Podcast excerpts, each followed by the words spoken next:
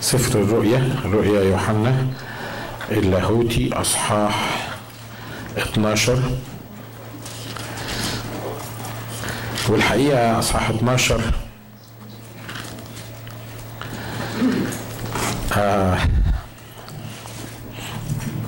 إحنا اتكلمنا المرة اللي فاتت عن الاثنين الشاهدين لما الرب قال لهم اطلعوا.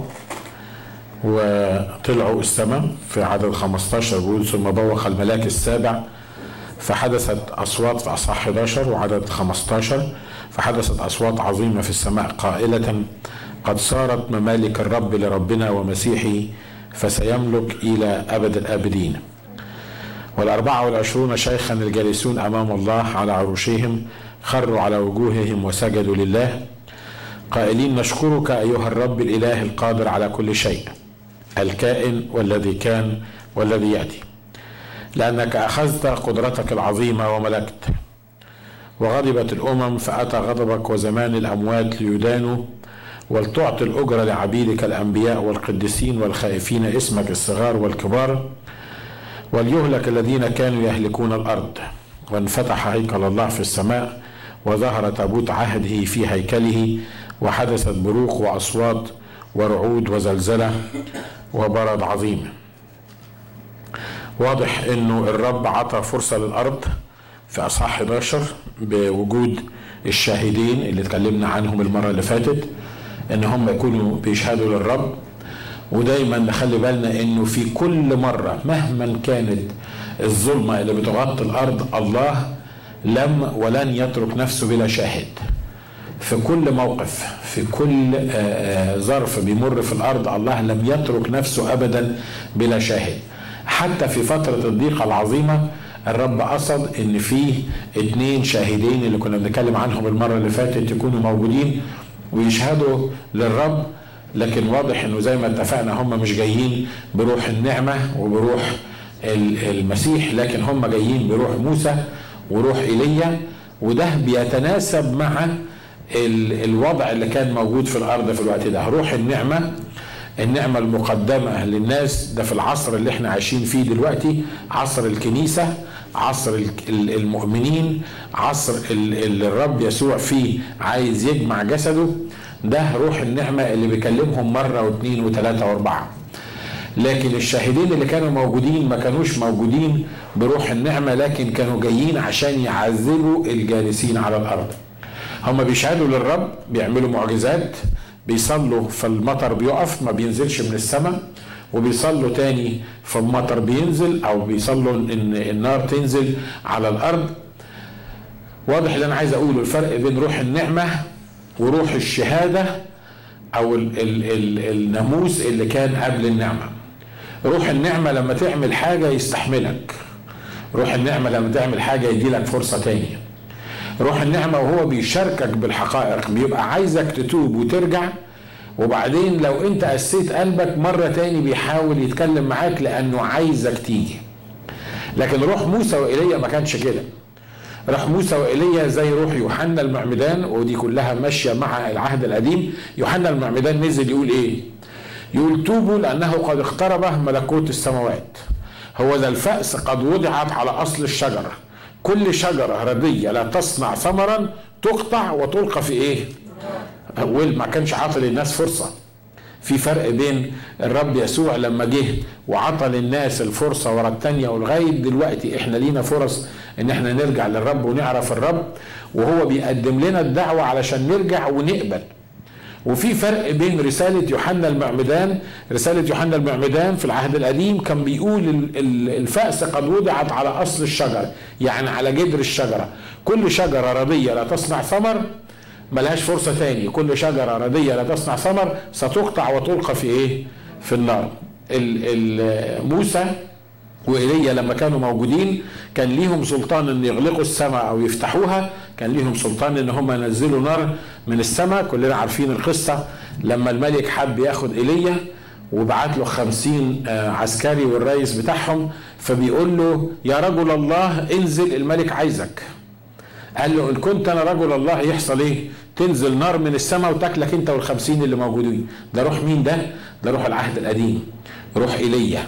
الروح اللي هو بيحط لك القانون ولازم تمشي عليه ما بيديكش قوة تمشي عليه لكن بيحط القانون وانت لازم تمشي عليه ومش بمزاجك تطيع ولا لا ولو ما طعتوش تاخد عقابك في الحال. لكن الكتاب بيتكلم عن روح النعمة في العهد الجديد وعلى فكرة النعمة ما هياش تسيب. النعمة ما هياش تقول لك يلا بقى ما إحنا في عصر النعمة.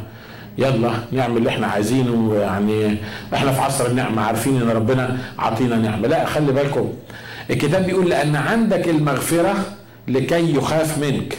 يعني إيه؟ يعني لأنك بتغفر أنا بخاف منك. لأنك بتغفر أنا لما بعمل خطية ما بقدرش استريح. أنا ببقى زي المجنون. ليه؟ لأنك بتغفر. تقول لي إزاي؟ طب ما هو ده بيغفر. طب ما كويس ده بيغفر. ف... ف... فاستغل أنت الغفران بتاعه. لا لأن هو بيغفر لأنه عنده استعداد يغفر لأنه عنده استعداد يدي فرصة تاني لأن عندك المغفرة لكي يخاف إيه؟ لكي يخاف منك. في بعض الاثنين دول اللي هم الشاهدين ما طلعوا السماء عدد 15 بيقول ثم بوق الملاك السابع خلي بالكم قبل كده قال إن إن الواقف على البحر في الأصحاح اللي قبليه أقسم إنه في زمان الملاك السابع لما يبوق الملاك السابع اللي هيحصل إيه؟ إن الرب هياخد الملك بتاعه والرب هيصير للرب الملك بتاعه. ثم بوق الملاك السابع فحدثت أصوات عظيمة في السماء قائلة قد صارت ممالك العالم لربنا ومسيحه فسيملك إلى أبد الأبدين. تقول الله هو ممالك العالم كانت لمين؟ هو مش ممالك العالم برضو بتاعت ربنا ومسيحه؟ مش الكتاب بيقول عن الرب يسوع الخالق كل الأشياء بكلمة قدرته؟ مش الرب يسوع هو المتسلط في مملكة الناس؟ مش هو ال ال الأول والآخر البداية والنهاية اللي ليه السلطان؟ أمال إيه حكاية قد صارت؟ ممالك العالم لربنا ومسيحه فسيملك إلى الأبد. خلي بالكم إنه من ساعة ما الإنسان أخطأ وسلم السلطان بتاعه للشيطان ومن ساعة ما الشيطان نزل واتطرد من العرش بتاع الرب والإنسان عطاله السلطان بتاعه أصبح للشيطان سلطان على الناس. هو ما عملش كده غصب عن عين الرب لأن مفيش حاجة تحصل غصب عن الرب. مش كده؟ مفيش حاجة أبدا تحصل غصب عن الرب. لكن الله سمح في تدبيراته الإلهية اللي الحقيقة يعني إحنا نفهم بعضها وما نفهمش أكترها. مرات كتيرة بنعمل إن إحنا فاهمين لكن الحقيقة مرات كتيرة ما بنبقاش فاهمين كل حاجة من اللي الكتاب قاله. ويمكن كمان مش فاهمين حاجات كتيرة من الكتاب قالها. لذلك لما بيتبادر سؤال للذهن يقول لك طب ليه الله يدي الفرصة للشيطان إن هو يتحكم في الناس؟ ليه الله يدي فرصة للأرواح الشريرة إنها تبقى متسلطة في مملكة الناس؟ وين مش هنخش في الأسئلة دي لأن الله عنده الخطة بتاعته ما أبعد طرقه عن الفحص ما أبعد أحكامه عن الفحص وطرقه عن إيه؟ الاستقصاء فإحنا مش هنعرف نوصل للي في عقل الله إلا لما نروح السماء. لكن اللي إحنا نعرفه من المكتوب إن الابليس لما سقط ما سقطش سقط في الهواء. والرب قال عنه إنه ده رئيس سلطان الهواء. وقال عنه إنه رئيس هذا الدهر، تقول لي إزاي بس إبليس يبقى رئيس هذا الدهر؟ أمال المسيح يبقى إيه لما لما إبليس رئيس هذا الدهر؟ إزاي الرب يدي الألقاب دي والوظائف دي للشيطان هو ما عطاهلوش هو سمح له بممارستها لكن الحقيقة هو الله متحكم ومتسلط في مملكة الناس ده شيء مفروغ منه. لكن هو اللي سمح إن إبليس يبقى في الوضع ده إنه يبقى له سلطان على الأرض. فالنهاردة اللي بيحكم العالم حقيقي ما هوش الرب. عايزك تفهم اللي أنا بقوله ده عشان ما تطلعش تزعل مني تقول يوه الاخ ناجي باين عليه هيخرف النهارده في البتاع أمال مين اللي بيحكم العالم؟ لا والله ما بيحكمش العالم. ده لو إبليس اللي كان بيحكم العالم كانت الدنيا خربت. لا واضح إن اللي بيحكم العالم النهارده قوى الشر اللي موجودة بدليل إنها موجودة. مش كده ولا إيه؟ كتاب بيقول إنه رأيت الشيطان ساقط مثل البرق من السماء وأعطي سلطان هذا الشيطان وأتباعه. أعطي السلطان إنه لو أمكن يضل مين؟ مش يضل المجرمين ولا بتاع لو أمكن يضل مين؟ المختارين. إحنا المؤمنين اللي عرفنا الرب يسوع المسيح مخلص شخص لحياتنا وصل السلطان بتاعه إنه بيحاول يضل المؤمنين لو أمكن يقدر يضل المؤمنين. نشكر الله إنه هو ما يملكش إنه يضل المؤمنين. ليه؟ لأن المؤمنين منقوشين على كف الرب يسوع المسيح ولحم من لحمه وعظم من عظمه. فإذا لا شيء من الدينونة الآن على الذين هم في إيه؟ في المسيح يسوع. لكن ما نقدرش ننكر إنه إبليس موجود والشياطين موجودة والأرواح الشريرة موجودة ولها تأثير في العالم. ليه؟ لأن الإنسان هو اللي سلم السلطان بتاعه لإبليس. وعشان كده حق علينا أن نعذب من إبليس. وخصوصا قبل ما نعرف الرب يسوع مخلص شخص الحياة تقول لي ليه بس ليه ربنا ساب إبليس إن هو يعمل كده؟ ربنا لا سابه ولا ليه دعوة بالموضوع. الموضوع كله مع كان مع الأخ آدم والأخت حواء هم اللي الرب حذرهم وقال لهم ما تاكلوش من الشجرة وهم اللي كلوا من الشجرة وهم اللي جابوا لنا الكافية وإحنا كلنا لازم ندفع. ثمن العصيان بتاعنا. عشان ليه؟ لأن الرب عادل. فلما بوق الملاك السابع ده بيقول فحدثت أصوات عظيمة في السماء قائلة قد صارت ممالك الممالك العالم لربنا ومسيحه فسيملك إلى أبد الإيه؟ الابدين.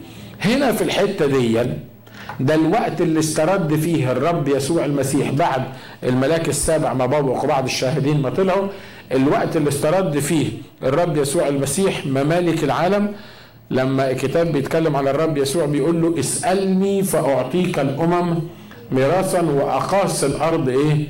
ملكا لك. فهنا ال الوقت ده هو اللي صارت ممالك العالم لربنا ومسيحه فسيملك إلى الأبد.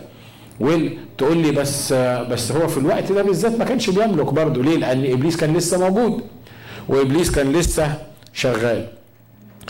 الرسول يوحنا بيشوف بعين النبوة الأزمنة والأوقات واللي بيحصل بالظبط في الفترة دي لما بوق الملاك السابع وزي ما اتفقنا ده بيتمشى مع الأصحاح اللي قبليه لما الملاك العظيم أو الفائق ده اللي كان واقف على البحر قال إنه في في وقت تبويق الملاك السابع هتعطى الإيه الممالك للرب. الرب في الحتة دي بيسترد الإيه الملك بتاعه. عدد 16 بيقول والأربعة والعشرون شيخا الجالسون أمام الله على عرشهم خروا على وجوههم وسجدوا إيه لله. قائلين نشكرك أيها الرب الإله القادر على كل شيء الكائن والذي كان والذي يأتي لأنك أخذت قدرتك العظيمة وملكت خلي بالكم هنا الشيوخ والملائكة وكل الناس اللي موجودين في الدنيا دي بيقول خروا على وجوههم وسجدوا لله. قائلين نشكرك أيها الرب الإيه؟ الإله القادر على كل شيء. ليه؟ لأن استرداد الملك من إبليس حاجة مش سهلة. استرداد الملك من إبليس ده كلف الرب يسوع المسيح دمه إنه يموت عشاننا على الصليب عشان يفدينا عشان يرجع ليه الملك مرة تاني. فبيقول القادر على كل شيء الكائن لأنه الأزلي والذي كان اللي كان موجود في الوقت معين على الأرض بالجسد وبعد كده بقي بالروح في الوقت اللي إحنا فيه دلوقتي والذي يأتي اللي هو هينهي الموضوع كله يأتي وينهي الموضوع كله. اللي عايز يقوله لنا الرب من الموضوع ده إيه؟ اوعى إبليس يجي يوسوس في ودانك كده ويقول لك أنا ليا سلطان مش القسيس وهو واقف بيقول إن أنا ليا سلطان؟ وأنا الرب سمح لي إن أنا أحكم الأرض والرب سمح لي إن أنا لو لو أمكن إن أنا أضل الإيه؟ المختارين. خلي بالك هنا وصف الرب هنا هو إيه؟ الكائن الذي كان والكائن والذي يأتي القادر على كل إيه؟ على كل شيء. يعني الحتة اللي ما يسمحش بيها الرب الإبليس إنه يتصرف فيها ما يقدرش إبليس إنه يتصرف فيها. نكمل الحقيقة. الحتة اللي أنت ما تسمحش واللي أنا ما أسمحش لإبليس إنه يتصرف فيها ما يقدرش إبليس يتصرف فيها. واضح اللي أنا عايز أقوله؟ ها؟ فإبليس لما بيتحرك معانا بيتحرك بسببين. اولا لأن أنا بديله فرصة. والحاجة التانية لأن لما الرب بيلاقيني مش فاهم وعاطي لإبليس فرصة هو كمان بيسمح إنه يخليني أدي لإبليس فرصة لكن الرب لما كان بالجسد على الأرض قال رأيت الشيطان ساقط مثل الإيه؟ مثل البرق على الصليب الكتاب بيقول أشهرهم جهارا على الأرواح الشريرة والشيطان ظافرا بهم في إيه؟ في الصليب يعني لما كان الرب يسوع على الصليب الرب انتصر على الصليب نصرة واحدة وإلى الأبد الكتاب بيقول إنه يقودنا في موكب نصرته في المسيح يسوع كل إيه؟ بص بقى هو يعني الكلام كلام والجد جد. مش كده؟ يعني يقودنا في موكب نصرته كلنا حافظين الآية دي. لكن هل إحنا فعلا منتصرين كل حين؟ هل إحنا فعلا بنستمتع بالنصرة دي كل حين؟ الذنب مش ذنبه الذنب ذنبي أنا. مش كده؟ وذنبك أنت. ليه؟ لأن هو اشترى لينا النصرة هو خلانا انتصرنا في الصليب هو ال ال الشخص المنتصر الغالب واللي خرج عشان يغلب. أنا اللي بدي الفرصة لإبليس إن هو يعمل معايا اللي هو عايزه. فهنا الشيوخ قالوا إيه؟ نشكرك أيها الرب الإله القادر على كل شيء الكائن والذي كان والذي يأتي. لأنك أخذت قدرتك العظيمة وملكت. خلي بالك إنه القدرة دي قدرة مين؟ قدرته هو قدرة الرب مش كده؟ بيقول أخذت قدرتك الإيه؟ العظيمة. القدرة زي ما بتقول الترنيمة في إيده هو هو القادر على كل شيء هو اللي من قبل تأسيس العالم هو المعروف إن الإله ده Almighty God اللي يقدر على كل شيء. هو بس عمل إيه؟ خد قدرته العظيمة. تقول لي هو إزاي خد قدرته العظيمة؟ هو ما كانش عنده قدرته العظيمة دي لا قدرته العظيمة كانت موجودة موجودة عنده. لكن هتمانيفست أو هتظهر بطرق مختلفة عن اللي كانت بتظهر بيه لما كان بالجسد على الأرض ولا لما كان آه، بيتعامل مع الكنيسة في عصر النعمة. بيقول وغضبت الأمم فأتى غضبك وزمان الأموات ليدانوا. ولتعطى الاجره لعبيدك الأنبياء والقديسين والخائفين اسمك الصغار والكبار وليهلك الذين كانوا يهلكون الأرض.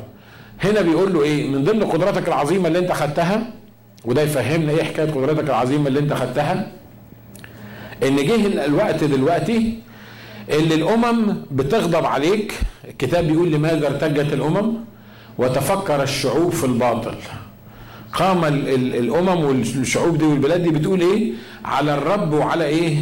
على مسيحه. تقول لي إزاي يعني الأمم إزاي تيجي ضد الرب ومسيحه؟ آه طبعا. الأمم الغبية إحنا كلنا قبل ما نعرف الرب يسوع المسيح الكتاب بيقول عننا إن إحنا كنا أعداء. مش كده ولا إيه؟ كنا أعداء ليه؟ كنا ضد الرب كنا بنفكر إن إحنا هنقدر آه، نعيش بنفسنا ونتصرف بنفسنا. لكن لما عرفنا الرب يسوع المسيح مخلص شخصي لحياتنا عرفنا الغباء اللي إحنا كنا فيه. وغضبت الأمم فأتى غضبك وزمان الأموات. يعني الأمم بتغضب النهارده من غير أمم ولا بطيخ يعني عندنا هنا ال Board of Education تطلع واحدة آه، آه، راكبها شياطين تقول نشيل العشر عشر وصايا أو اسمهم إيه؟ عشر عشر وصايا من من المدارس مش كده؟ أو الوصايا العشرة. هي الوصايا العشرة العشر وصايا دي مش مش راكبة شوية. فنشيل الوصايا العشر من المدارس مين اللي ينتصر؟ تنتصر هي. وتتشال الوصايا العشر من المدارس. الراجل القاضي اللي يقول إن الوصايا العشر ما تتشالش من قدام البتاع ده المحكمة يشيله هو. فواضح إن مين المنتصر دلوقتي؟ مش المسيح مش مملكة المسيح مش مش المسيح اللي واخد القوة بتاعته والعظمة ولو إنه زي ما قال كده عند الصليب يقدر يقول كلمة فيبيد الأرض كلها. لكن هو النهارده هو سايب الفترة دي ان إبليس يتحرك فيها للوقت اللي هيسترد فيها القوة والعظمة بتاعهم. الأمم غضبت فابى غضبك. خلي بالكم إن في دلوقتي غضب متبادل. غضب من الأمم على الرب وعلى مسيحه وغضب من الرب ومسيحه على إيه؟ على الأمم. في الفترة اللي إحنا فيها الأمم بتكسب. والشر شكله بيكسب والمسيحية بتتقلص بطريقة أو بأخرى. لكن لما الرب ليه؟ لأن الرب لسه غضبه ما كملش لأن الرب لسه مش مورينا غضبه. لكن لما الرب يبتدي يغضب يقول لك ومن يستطيع الإيه؟ الوقوف. لما يغضب الرب لما يجي الرب عند النقطة اللي يغضب فيها محدش يقدر يقف قدامه. أنا بصلي إن أنا وأنت وأنتي ما نوصلوش لمرحلة الغضب. قال لك مخيف هو الوقوع في يدي الله الحي. تقول لي لا يسوع ده رحيم ومحب وجميل وطويل الروح وكثير الرحمة. كل ده صح. لكن في نقطة معينة لو الرب غضب فيها لا أنا ولا أنتوا ولا الأرض كلها تقدر تقف إيه؟ تقدر تقف قدام. أمال هو مش غضبان ليه؟ ساكت ليه؟ ليه الرب ما بيتحركش وبيظهر مجده وبيظهر قوته وبيظهر عظمته ويقول كلمة يهز بيها الكون اللي إحنا عايشين فيه؟ ده سهل جدا بالنسبة له. عارف الصعب هو إيه؟ هو انه يصبر. الصعب انه يرحم. تقول لي إزاي؟ لما كان على الصليب الناس كانوا ماشيين بيقولوا له إيه؟ كان بيقولوا له يا ناقد الهيكل وبنيه في ثلاثة أيام خلص نفسك وانزل عن الصليب عشان نؤمن بيه. كانوا متخيلين إن القوة إنه يعمل إيه؟ يخلص نفسه من الصليب وينزل ويثبت للناس اللي واقفة ان شوف قد إيه أنا قوي أنا أقدر أخلص نفسي من الصليب وأقدر أبيد كل أعدائي. لكن عارف القوة الحقيقية كانت إيه؟ إنه فضل على الصليب. القوة الحقيقية إنه هو الله اللي يقدر يقول كلمة فيبيد الكون هو استسلم للموت وفضل على الصليب عشان ما ينزلش عن الصليب لأن عارف إن ليه إرسالية وليه شغلانة ما ينفعش ينزل على الصليب عشانها. عشان كده هنا ابتدى يغضب الرب. الأمم غضبت والرب سكت والرب حاول يصلح وحاول. كلنا شفنا المثل الواضح قدامنا في الكتاب. لما غضب الرب مر على الأرض غرق الأرض كلها. فتح المفاتيح بتاعت المية المية بتاعت السماء الحنفيات بتاعت السماء والأرض في لحظة غرقت الناس بيقول لك معقولة؟ الرب غرق الأرض كلها. مش مصدق. شوف التلفزيون والأعاصير اللي بتحصل والبتاع اللي كان تسونامي ده ولا اسمه إيه الحاجات اللي بتحصل دي شوف قد إيه في في خمس دقائق واحدة صاحبتنا كانت موجودة في في المكان بتاع تسونامي ده بتقول لك الموجة بتاعت البحر شالت ناس من الأوتيل من الدور الثاني كانوا قاعدين في الأوتيل كانوا قاعدين فاتحين الشبابيك. الموجة دخلت الأوتيل خدتهم وطلعتهم بره غرقتهم. دي لمحة من غضب الرب. دي لمحة من غضب الإيه؟ الطبيعة. الأمم غضبت ودلوقتي الرب بيسترد المجد بتاعه بيسترد القدرة بتاعته. فكمان إيه؟ غضب جه زمان الغضب بتاع الرب. وزمان الأموات ليدانوا ولتعطى الاجره لعبيدك الأنبياء خلي بالك إنه الرب ما فيش هيفلت منه حد حتى لو مات الناس بتقول لك هو بعد الموت في إيه؟ ما حدش عارف بعد الموت في إيه، وحد راح السماء ولا راح جهنم ولا حد عارف في إيه. لا الفكرة مش بس الواحد هيموت هنا في الأرض وخلصنا لكن في يوم من الأيام الكتاب بيقول إن القبور هتسلم الموتى الذين فيها والبحر هيسلم الموتى اللي ماتوا فيه. تقول لي إزاي يعني؟ واحد مات في المية. واضح إن السمك كاله طبعا وراح فين مش كده؟ كالوا السمك. وبعدين السمك ده ممكن يكونوا اصطادوه. أو كلوا سمك تاني المهم في ناس اصطادته وبعدين الناس كلوا السمك. والناس دول ماتوا واتدفنوا في الأرض. فين بقى اللي موجود في في البحر ده؟ ما هو اللي مات ده ما عادش أصلا في البحر. ده اللي مات كلوا السمك والناس كلت السمك وبعدين الناس ماتت وبعدين اللي اتحللوا في الأرض. واخد بالك؟ لكن خلي بالك إن دي كلها الأمور الطبيعية اللي إحنا نفهمها في دماغنا. لكن لما صوت الرب يتكلم في غضبه ويقول للبحر هات لي اللي ماتوا فيك اللي ماتوا غرقانين فيك من أول الخليقة لغاية دلوقتي تجيب لي الناس اللي ماتوا في المية. الكتاب بيقول هيسلم البحر الأموات الذين فيه كما لو كان البحر ده ماسكهم واضح إن هم مش عايزين يتسلموا مش كده؟ حكاية يسلم الأموات دي, دي زي ما يكون مثلا واحد في في السجن كده بيسلموه. مش عايز يتسلم لكن البحر نفسه هيطيع الرب هيجمع ال ال ال الأجزاء اللي كلها السمك والسمك اللي كله الناس والناس اللي كلتها الناس والناس اللي كلتها الأرض. وكل الدقائق البسيطة بتاعت الأموات دي هتتجمع وتيجي قدام الرب. ليه؟ لأن الكتاب بيقول إن هو القادر على كل شيء. عشان كده لا تستهين بإمهال الله ولطفه وطول أناته لأن الرب بيطول باله وبيبقى لطيف وعنده طول أنات لأنه عايز يقتاد الكل إلى التوبة لأنه لا يشاء أن يهلك إيه؟ لا يشاء أن يهلك أحد لكن هو عمال يصبر ويصبر ويصبر علينا بيقول جاء زمان الأموات ليدانوا ولتعطى الأجرة لعبيدك الأنبياء والقديسين والخائفين اسمك الصغار والكبار. يعني يعني نوعين دلوقتي موجودين نوع هيدانوا ونوع هياخدوا أجرة. والكلام ده هنتكلم عليه في سفر الرؤيا بعد كده. ناس هتقف عند الرب هيبقى فيه عرشين. عرش اسمه العرش الأبيض العظيم. العرش اللي هيدين فيه الأحياء والأموات. والعرش الثاني اللي هيدي فيه المكافآت للمؤمنين. عشان كده كل الناس لازم هتقف قدام الرب. خلي بالك انت خاطي ولا مؤمن هتقف قدام الرب. وفي اليوم الأخير مش بمزاجك. انت دلوقتي بتهرب وبتجري وبنقول لك سلم حياتك للرب. تقول الله كريم. الله كريم دي فقعاني من العراقيين. بالظبط زي زي المصريين كده. لما تقول له اي حاجة يقول لك إن شاء الله. وانس قال لك إن شاء الله تعرف إنها مش هتحصل. آه هو بيقول لك إن شاء الله لأنه مش هتحصل مش مش هيعملها يعني. والعراقيين تكلمهم عن المسيح يقول لك الله كريم. يا عم يا عم الله كريم ما إحنا عارفين إن الله كريم بس اقبل المسيح مخلص شخصي لحياتك خلي بالك إن في زمن معين أنا I'm so serious الموضوع ده.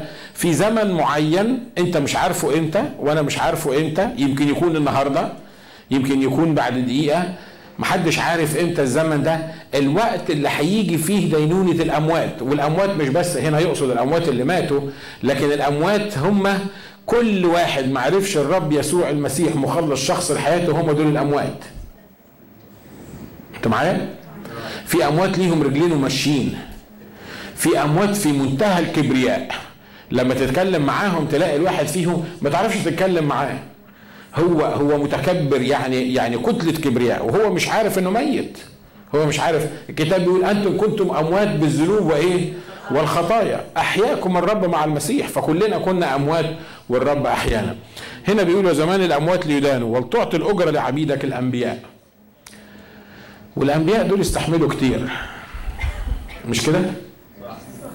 في أنبياء استحملت لأنها عايزة تعمل المملكة بتاعتها. عايزة أتباع يمشوا وراها. عايزة تعمل دين جديد. لكن أنبياء الرب أنبياء الحقيقيين اللي الرب أرسلهم للعالم ما حدش فيهم كانت الشغلانة بتاعته ايزي صح؟ سمعت نبي كده مكتوب عنه كل حياته كانت وردية ما حصلش معاه مشكلة. أنت عايز تعرف الأنبياء حصل معاهم إيه؟ اقرأ سفر أرمية. الراجل أرمية يعني وصل لمرحلة يقول له يا رب انت تديني الكلمة لو مسكتها جوايا تصير كنار أكلة هتولعني مش قادر ما اتكلمش بالكلمة بتاعتك. طب لما أتكلم بالكلمة بتاعتك يعمل إيه؟ الملك يقول لك ارموه في الجب يقول لك فرموه في الجب وكان الجب فيه فيه طين. فغاص أرمية في الطين. مرة اتكلمت عن نبي في الطين. إزاي يبقى الكلام ده؟ إزاي يحصل الكلام ده؟ الأنبياء دول الرسالة بتاعتهم هو الرب وصلهم لمرحلة إن يموتوا عن أنفسهم. عشان يدونا كلمة الرب عشان يدونا الوحي بتاع الرب. لكن خلي بالك النهارده بتشوف النبي ولغاية النهارده الأنبياء الحقيقيين اللي من عند الرب تلاقيهم دايما متلطمين ودايما متلطشين ليه؟ لأن زي ما قال الرب لو كنتم من هذا العالم لكان العالم حبكم. لكن لأنكم لستم من هذا العالم فالعالم إيه؟ يبغضكم. لأنه زي ما أبغضني العالم هيبغضكم أنتوا كمان. عشان كده جميع الذين يريدون أن يعيشوا بالتقوى في المسيح يسوع يحصل لهم إيه؟ يضطهدون. لكن في وقت معين الكتاب بيقول عنه إنه يدان فيه الأموات ولتعطي الأجرة لعبيدك الأنبياء. أجرة إيه اللي ياخدوها عبيد الأنبياء؟ هو الأنبياء لسه ياخدوا أجرة؟ الحقيقة إنه أكبر أجرة بياخدوها أولاد الرب والأنبياء الحقيقيين هو إن الرب اختارهم إن هم يشتغلوا في الخدمة بتاعته ويعملوا العمل اللي هو عايز يعمله في الأرض. ها؟ لكن بعد كده اللي بيحصل إيه؟ مش بس كده أنت بتشتغل في الأرض ودي كرامة ما بعدها كرامة وده إحسان من الرب ما بعده إحسان إنك تشتغل خادم وإنك تشارك كلمة الرب مع الآخرين. فيش أبدا وظيفة في الدنيا مهما كانت الوظيفة دي أعظم من وظيفة الخادم. للرب الخادم الحقيقي للرب أنا مؤمن بكده اللي أنا بقوله. مفيش وظيفة في العالم حتى لو كان رئيس أمريكا ما هواش وظيفته مش أحسن من أقل خادم بيخدم الرب وبيعيش للرب وبيشهد عن الرب وبيشارك إيمانه مع الآخرين. دي أعظم وظيفة ممكن تحصل عليها. تتعب صحيح فيها لكن في يوم من الأيام مع إن مش من حقنا إن إحنا نطالب الرب بحاجة لكن الرب يقول لك إيه؟ بيعمل إيه؟ بيعطي الأجرة لعبيدك الأنبياء.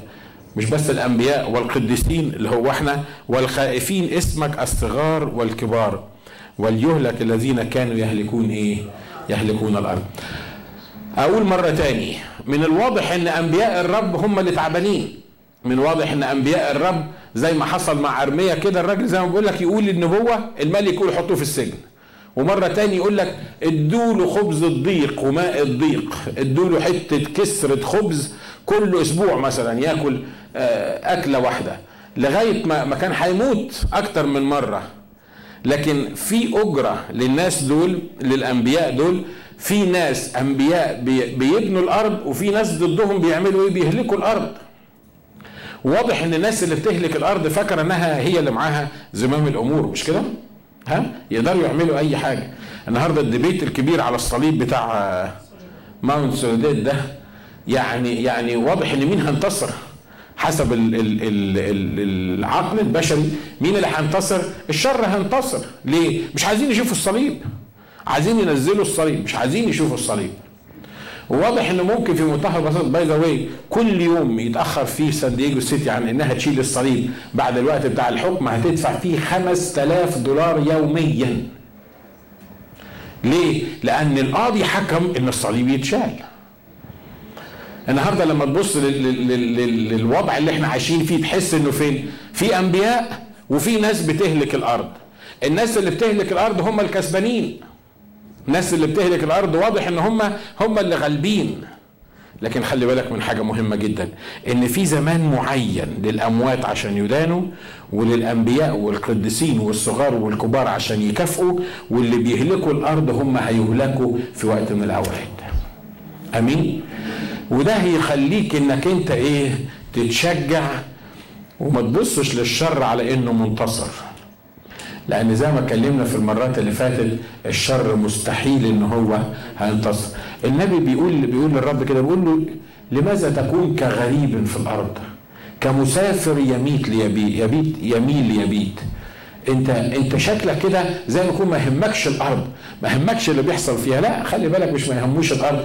هو وازن كل شيء وعارف كل شيء ولكل شيء زمان معين ولما يجي الزمان إحنا القديسين والأنبياء والصغار والكبار اللي عاشوا مع الرب هياخدوا الأجرة بتاعتهم والذين يهلكون الأرض هيذهبوا إلى جهنم النار المعدة لإبليس وملائكته إلى أبد الأبدين.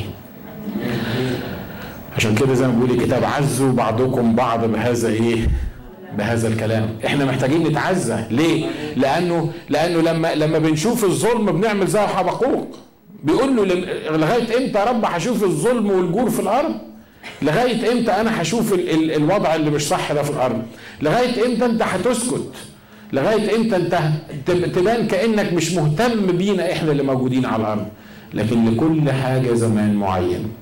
لو حطيت ده نصب عينيك تعرف إن إحنا منتصرين في شخص الرب يسوع المسيح وإن في يوم من الأيام هنقف ناخد الأجرة بتاعتنا.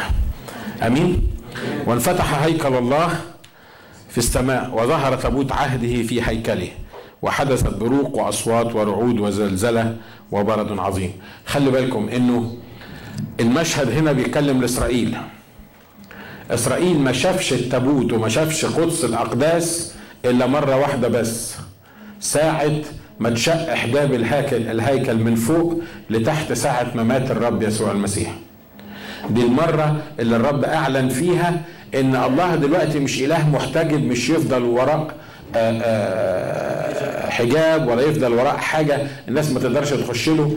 لكن الرب إيه؟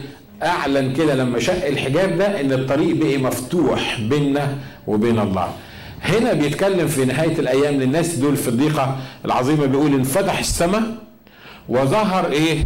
تابوت عهده في هيكله.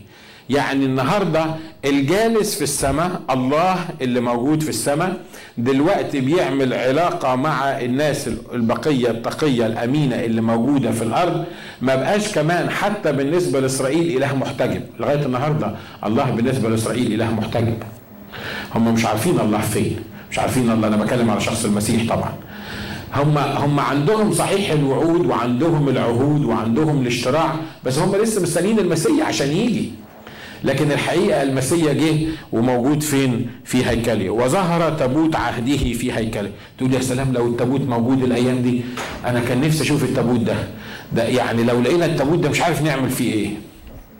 كم واحد عايز يشوف التابوت ده اللي كان بتاع زمان؟ مش كده؟ كلنا عايزين نشوفه صح ولا لأ؟ ها؟ حتى لو فلسفتها روحيا لكن هنا الكتاب بيقول إن التابوت موجود فين؟ في السماء. في هيكل الله واضح إنه ما بيتكلمش عن التابوت الخشب هو هنا مش بيتكلم عن التابوت الخشب ليه؟ لأن الكتاب ما قالناش إن التابوت صعد والرب خده في السماء، لا ده بيتكلم عن تابوت عهده، بيتكلم عن عن ال ال التاريخ كله اللي بيت اللي بيتكلم عن التابوت ده كما لو كان مجسد مجسم في السماء بالنسبة للناس الجالسين على الأرض في الفترة دي شعب إسرائيل يقدروا يشوفوا التابوت ده. وحدثت بروق وأصوات ورعود وزلزلة وبرد عظيم. كم مرة حدثت رعود وأصوات وزلزلة؟ يمكن في كل أصحاح بتحصل البروق والرعود والزلزلة. وكان مظبوط؟ ليه؟ لأن زي ما اتفقنا الروح اللي بيتصرف بيها الرب مع الناس دلوقتي ما هياش روح النعمة اللي مستني عليهم لكن روح الدينونة اللي هم يستاهلوها. خلينا ناخد عددين ثلاثة من الأصحاح 22 لأن الأصحاح ده من أكثر الأصحاحات اللي عام ايمين 12 يعني عامل خبلانة في دماغ المؤمنين من كل الأماكن ومن كل الطوائف ومن كل ال ليه؟ في حتة مهمة محتاجين نفهمها في الموضوع ده بيقول الكلمات دي وظهرت آية عظيمة في السماء. امرأة متسربلة بالشمس والقمر تحت رجليها وعلى رأسها إكليل من إثنى عشر كوكبا. وهي حبلى تصرخ متمخضة ومتوجهة لتلد وظهرت آية أخرى في السماء. هوذا تنين عظيم أحمر له سبعة رؤوس وعشرة قرون. وعلى رؤوسه سبعة تيجان. وذنبه يجر ثلث نجوم السماء فطرحها إلى الأرض. والتنين وقف أمام المرأة العتيدة أن تلد حتى يبتلع ولدها متى ولدت. فولدت ابنا ذكرا عتيدا أن يرعى جميع الأمم بعصا من حديد. واختطف ولدها إلى الله وإلى عرشه. والمرأة هربت إلى البرية حيث لها موضع معد من الله لكي يعولها هناك ألفا ومائتين وستين يوما. تقدر تركز معايا لمدة خمس دقايق؟ لأنه مرات التعليم شوية بيبقى محتاج محتاج تركيز يعني. المرأة اللي, اللي بيتكلم عنها الكتاب دي في نظريتين للتفسير بتوعها. الناس اللي بتؤمن إن الحدث ده بتاع المرأة اللي بيتكلم عنه هنا في اصحاح 12 ده هيحصل في الأيام الأخيرة بيقولوا إن المرأة دي هي الكنيسة. انت معايا؟ بيقولوا إن المرأة دي هي الكنيسة وإنه ابنها الذكر ده هم المؤمنين اللي عايشين صح اللي هيختطفوا وبيقولوا إن هو الاختطاف بيبقى على مرتين. أنا مش عايز مش عايز ألخبط لك دماغك أنا هقولها بسرعة. لو لحقتها لحقتها ما لحقتهاش ما تتعبش نفسك فيها عشان إيه؟ ما تقعدش تعقد نفسك بالموضوعات دي النظرية الثانية اللي أنا بؤمن بيها واللي معظم الناس المفسرين في الكتاب بيقولوه إنه هذه المرأة هي الدولة أو الأمة الإسرائيلية. تقول لي يعني إيه دلوقتي امرأة ظهرت في السماء متسربلة بالشمس والقمر تحت رجليها على رأسها إك... رأسها إكليل من اثنى عشر كوكبا وهي تصرخ متمخضة ومتوجعة لتلد. وظهرت آية أخرى في السماء تنين عظيم أحمر مستني ابن المرأة دي عشان يتولد عشان يضطهده. هو هو إزاي يعني إيه اللي هيحصل مع اسرائيل عشان عشان هتجيب ولد وبعدين التنين هيقف علشان يعني يبتلعوا ويضطهدوا الموضوع مش واضح. خلي بالك مفتاح الموضوع ده كله عشان تفهمه كويس قوي لأن النقطة دي لو فهمتها هتفهم اللي بعد كده. الرسول يوحنا زي ما يكون بيشوف حلم. خلينا نتخيل إن هو بيشوف حلم. هيحصل كذا وكذا وكذا وكذا. وبعدين فجأة في أصحاح 12 بيقول أنا شفت آية عظيمة في السماء هي إن كان في واحدة ست امرأة كانت متوجعة عشان تلد وإن فيه تنين واقف علشان يبلع ابنها وبعدين ال ال زي ما هنقرأ بعد كده إن الرب أعانها هي وابنها إن هم إيه ابنها يختطف للسماء وهي آه يعني ما حدش يأذيها. الرسول يوحنا هنا بيشوف إسرائيل في وقت مجيء المسيح. مش إسرائيل في الوقت بتاع النهاية. واضح؟ الرسول يوحنا اللي بيشوفه هنا مش لسه هيحصل في النهاية. اللي بيشوفه هنا حصل إيه؟ حصل أيام وجود الرب يسوع المسيح بالجسد. تقول لي طب إزاي يحصل الكلام ده؟ واضح إن مرات تحلم حلم مش كده؟ تحلم حلم إن هيحصل وهيحصل وهيحصل وتقول وشفت أمي موجودة في الحلم وأخويا بس قال إيه؟ كان صغير وكان لسه جاي مع إن أخوك عنده خمسين سنة دلوقتي ولا 100 سنة بس أنت شفته في الحلم أمك وهي بتجيب أخوك وناس واقفة على الباب بتخبط وواحد ماسك آه، سيف في إيده وعايز يقتل أخوك. أخوك بقاله خمسين سنة مولود بس أنت بتشوف اللي حصل يوم ما الست الوالدة جابت أخوك. واضح اللي أنا عايز أقوله؟ ها؟ دي مهمة جدا إن إحنا نفهمها لأنه اللاهوتيين نشكر الله من أجلهم ما سابوش حاجة في الكتاب إلا معقدوها وعملوا لنا نظريات وحطوا عليها يعني افترضوا افتراض معين في دماغهم وبنوا عليه نظريات عشان يكملوها. عشان كده لازم نفهم الحتة دي بالذات إن اللي بيشوف الرسول يوحنا هنا ده اللي حصل في وقت ميلاد الرب يسوع المسيح. طب نقول إزاي عرفنا الكلام ده؟ وظهرت آية عظيمة في السماء امرأة متسربلة بالشمس والقمر وتحت رجليها على رأسها إكليل من اثنى عشر كوكبا. إيه رأيكم في الحلم اللي شافه يوسف؟ مش بالظبط الحلم ده؟ قال له رأيت الشمس والقمر واثنى عشر كوكبا ساجدين إيه؟ يعقوب لما فسر الحلم قال له إيه؟ قال له يعني هنيجي أنا وأمك وإخواتك ونسجد ليك. يعني معنى كده إن يعقوب فسر إن الشمس والقمر وإحدى عشر كوكبا هو مين؟ هو إسرائيل وام وأم يوسف والايه والاخوات ال12 هم اللي إيه اللي هيسجدوا ليه. وزي ما بقول لك دايما تقارن الروحيات بالروحيات. تشوف الكتاب ذكر الكلام ده في أكتر من حتة وترجع لأكتر من حتة ذكرها الكتاب. فهنا لما بيقول وظهرت آية عظيمة في السماء هو يوحنا شافها. الآية دي لأن لأن الرب قصد إن يوري له الآية دي اللي هي حصلت من أيام الرب يسوع المسيح لأن دي تتميم النبوات اللي بيتكلم عنها لأن في النهاية النبوات اللي بيتكلم عنها في سفر الرؤيا تتعلق بالإيه؟ بالمرأة دي لأن الحقيقة يعني تاريخ الكتاب المقدس كله هو تاريخ شعب الله اللي هو إسرائيل أمين؟ إحنا جملة عربية من إسرائيل الرب ابتدى بإسرائيل لغاية العهد الجديد إلى خاصته جاء وخاصته لم تقبله. أما كل الذين قبلوه فأعطاهم سلطان أن يصيروا أولاد الله. بقيت دلوقتي فترة الكنيسة. بعد فترة الكنيسة الله هيبتدي يتعامل مع إسرائيل تاني. عشان كده الكتاب من أنا عارف إن إحنا العرب طبعا ما بنقبلش النظرية دي لأن إحنا واخدينها نظرية سياسية. وعبد الناصر قال ما فيش حاجة اسمها إسرائيل. ما دام عبد الناصر قال ما فيش حاجة اسمها إسرائيل يبقى إحنا كمان مش عايزين نقبل إسرائيل. والاسد ما عندوش استعداد انه يقبل اسرائيل. ولما تاخد فيزا اسرائيل على الباسبور بتاعك ما يدخلوكش في البلاد العربية. دي قصة واللي الكتاب المقدس بيقوله ده قصة تاني. إحنا بنمشي حسب الكتاب المقدس مش حسب الزعماء العرب اللي, اللي ودونا ورا الشمس. Anyway.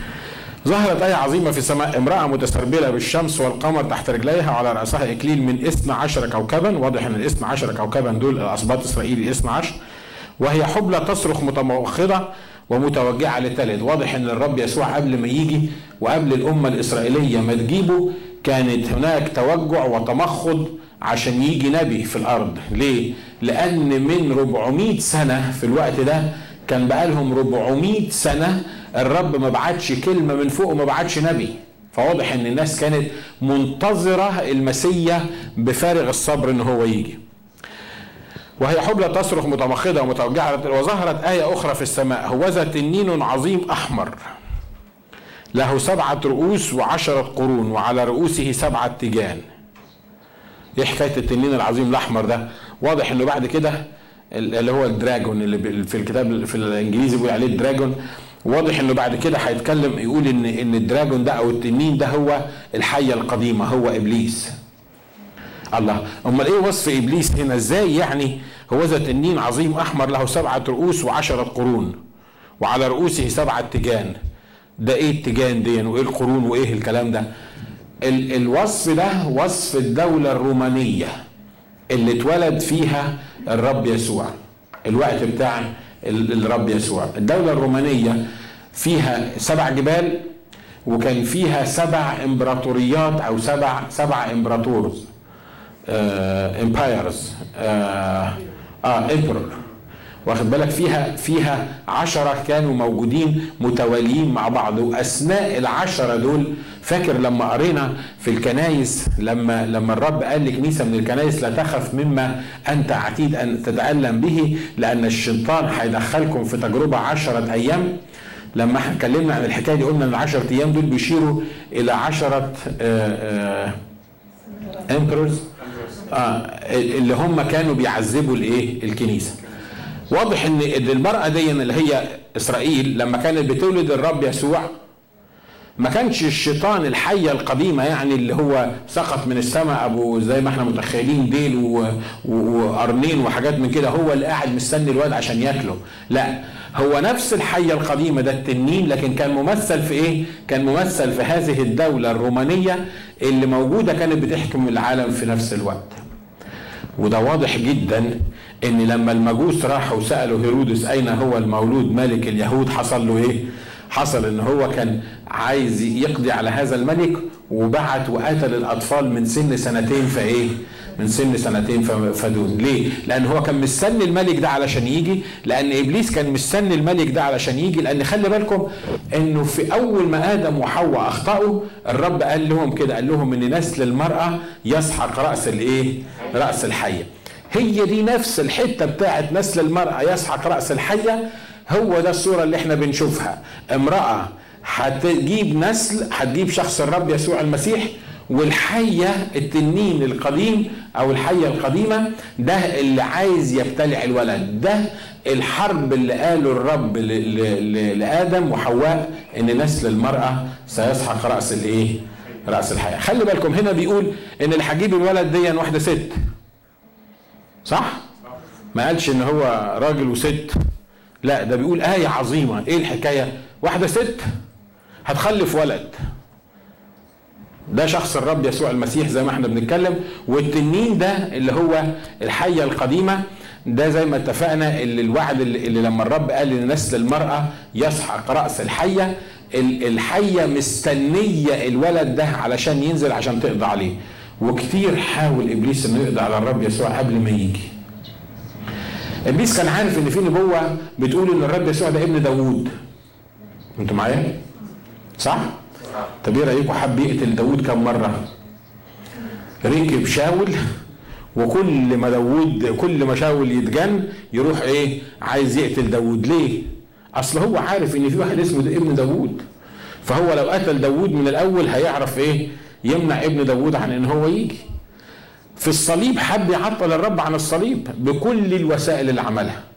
التجربة على الجبل لما خدوا على الجبل عشان يجربوا كان كل اللي هو عايزه إن الرب يخطأ غلطة واحدة بس. لأن لو الرب غلط غلطة واحدة بس كان هيعرف إن مش هو ده المسيح وإنه ما يعرفش ما ينفعش يفدي البشر حتى دخل في بطرس أو اتكلم مش دخل يعني عاش في بطرس لكن اتكلم على لسان القديس بطرس وقال له حشاك يا رب أن إيه؟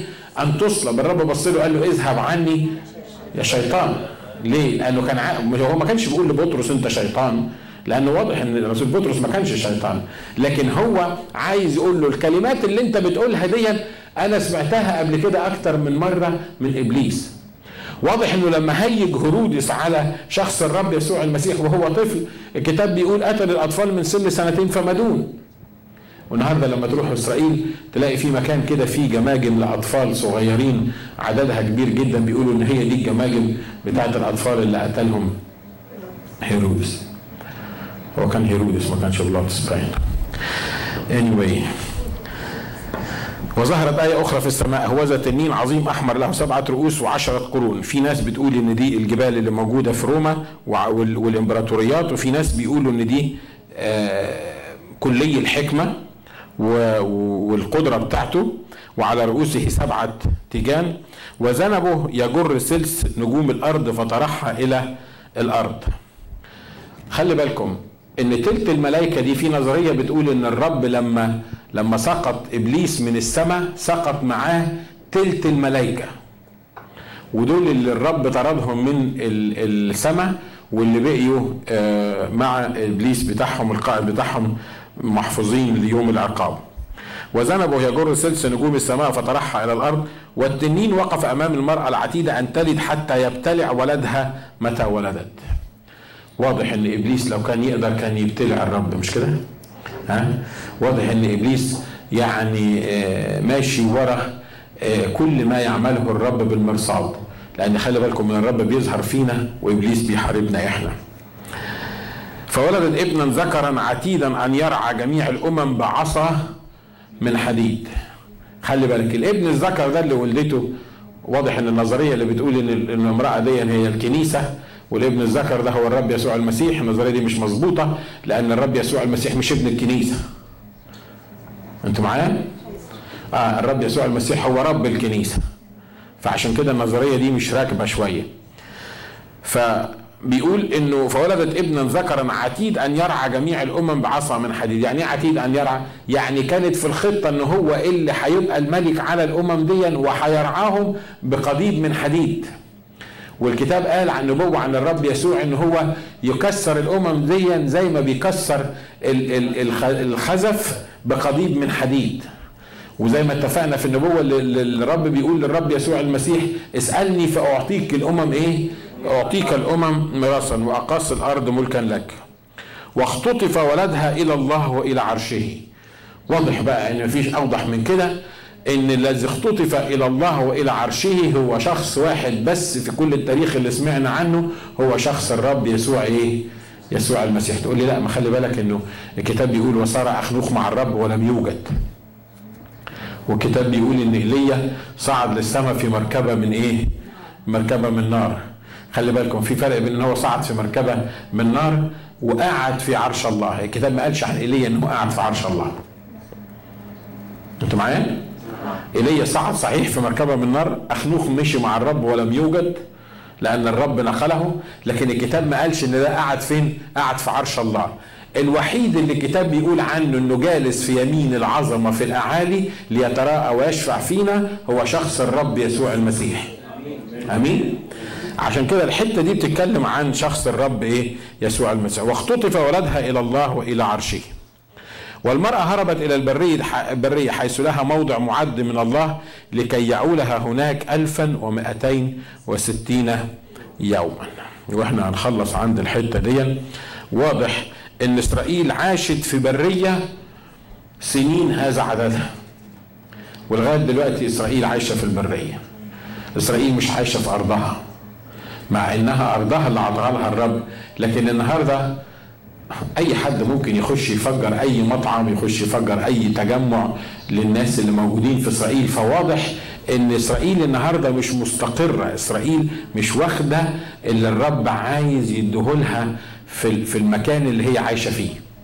إسرائيل لأنها رفضت أو ما ما ما بعدتش كل الناس اللي الرب قال لها إنك تبعديهم من المكان بتاعها الرب قال لهم أنا هحسب لكم البلاد دي أنا هتبقى زي الشوكة في ظهركم لأن أنتوا اللي ما طردتوش الناس دول لأن لو إسرائيل طردت الناس دي في الوقت اللي الرب قال عليه كانت إسرائيل هتعيش آمنة في المكان بتاعها اللي هي المفروض تعيش فيه. آمين؟ الكتاب بيقول إن إيه؟ إن إن المرأة هربت وهنفهم بعد كده المرة اللي جاية إزاي إن الوحش حاول يطاردها برضه وحاول يتعبها لكن الرب حطها في مكان معين. هي في برية صحيح لكن في برية والرب بيعمل إيه؟ الرب بيعولها. انت معايا؟ سفر نشيد الأنشاد بيقول من هذه الطالعة من البرية؟ بيتكلم عن مين؟ بيتكلم عن إسرائيل. عن الكنيسة طبعا إحنا بناخدها على الكنيسة لكن الحقيقة هي بيتكلم عن إسرائيل. لما بيقول أنا سوداء وجميلة. آه طبعا في ناس سود جمال زي سانتو كده. يعني فيش أجمل من كده. هي طب ما بتتكلم عن أنا سوداء بتتكلم عن وجودها الفترة بتاعت وجودها في البرية لأن لأن زي ما قالت عن نفسها إنها كخيام خضار إن الشمس لوحتني إن الإضطهاد تعبني. ان ان إن وجود العالم كله ضدي وزي ما إحنا هنعرف بعد كده إن وجود العالم كله ضدي ده عمل زي ما يكون الشمس حرقتني. لكن أنا سوداء وجميلة. من هذه الطالعه من البرية مستندة على ذراع إيه؟ على ذراع حبيبها. وأنا هختم بالحتة دي لأنها محبة مهمة إنك أنت تسمعها. يا ترى كم واحد فينا بيحس أنا خلصت التعليم؟ أنا بس عايز أقول لك تأمل بسيط كده عشان الرب عايز يسمعه لك. كم واحد فينا بيحس إنه في برية؟ حس إنه في صحراء. حس إنه لوحده مفيش حد جنبه. محدش بيساعده في حاجة. الدنيا مولعة لأن البرية ما هياش ما هياش حاجة سهلة. وبيحس إن هو مضطهد وتعبان وعنده مشاكل في البيت وعنده مشاكل في الغيط. وعنده مشاكل في صحته وعنده مشاكل مع أصحابه وعنده مشاكل في كل الدنيا. أنا بتكلم عن حد من الموجودين هنا في الاجتماع أنا اشكر الله. وأنا عارف إن عدد كبير بيبقى في الحكاية ده. الرب عايز يقول لك إيه؟ خلي بالك. حتى لو كنت في البرية الرب يعرف يقولك آمين. إبليس واقف لك عايز يستنى أي حاجة تعملها. عايز يستنى أي حاجة حلوة في حياتك عشان يفسدها. وإبليس أخصائي في الموضوع ده. يوم ما تضحك ضحكة واحدة بس. يوم ما تفرح فرحة واحدة بس. ما تكملهاش. صح؟ دايما بقول أنا المثل ده لما نبقى فرحانين نقول خير اللهم اجعله خير. كما لو كان إحنا مش المفروض نضحك. ليه؟ لأنه فعلا إبليس قاعد لنا مستني بس على الواحده هو مستنينا نفرح بس. يبقى يبقى في حاجة حلوة في حياتنا عشان يبتلع الحاجة الحلوة في حياتنا ديت. وللأسف إحنا لما بنحس المقاومة دي ما بنخليش بالنا إن الكتاب قال لا تهتم بالغد يكفي اليوم شره. ليه؟ لأن حتى لو أنا وانت كنا في البرية في الإله اللي يقدر يعولنا. في الإله اللي يقدر اللي بي watch over us في الإله اللي هو يعرف يتحكم في الظروف اللي موجودة. إبليس قاعد مستني ابن هذه المرأة عشان يبلعه لكن ما حدش يقدر يبلع الرب يسوع المسيح. ولو الرب يسوع المسيح موجود جواك ما حدش يقدر يبلعك. لأن الذين الذي معنا أقوى من الذين إيه؟ علينا الكتاب بيقول إن كان الرب معنا. عشان كده حتى لو كنت في صحراء. أنا عايزك تفرح في الصحراء دي وتبتهج وتهلل لأن في زمان معين الرب بيتدخل فيه والرب مكتوب عنه إن هو معه إيه؟ معه أمرنا. من الرب. مجدا من الرب. مجدا من الرب. بكرة بنعمة الرب هنحتفل ونفرح بالناس اللي هتتعمد و... وهيبقى عندنا يوم عظيم. آمين؟ من الرب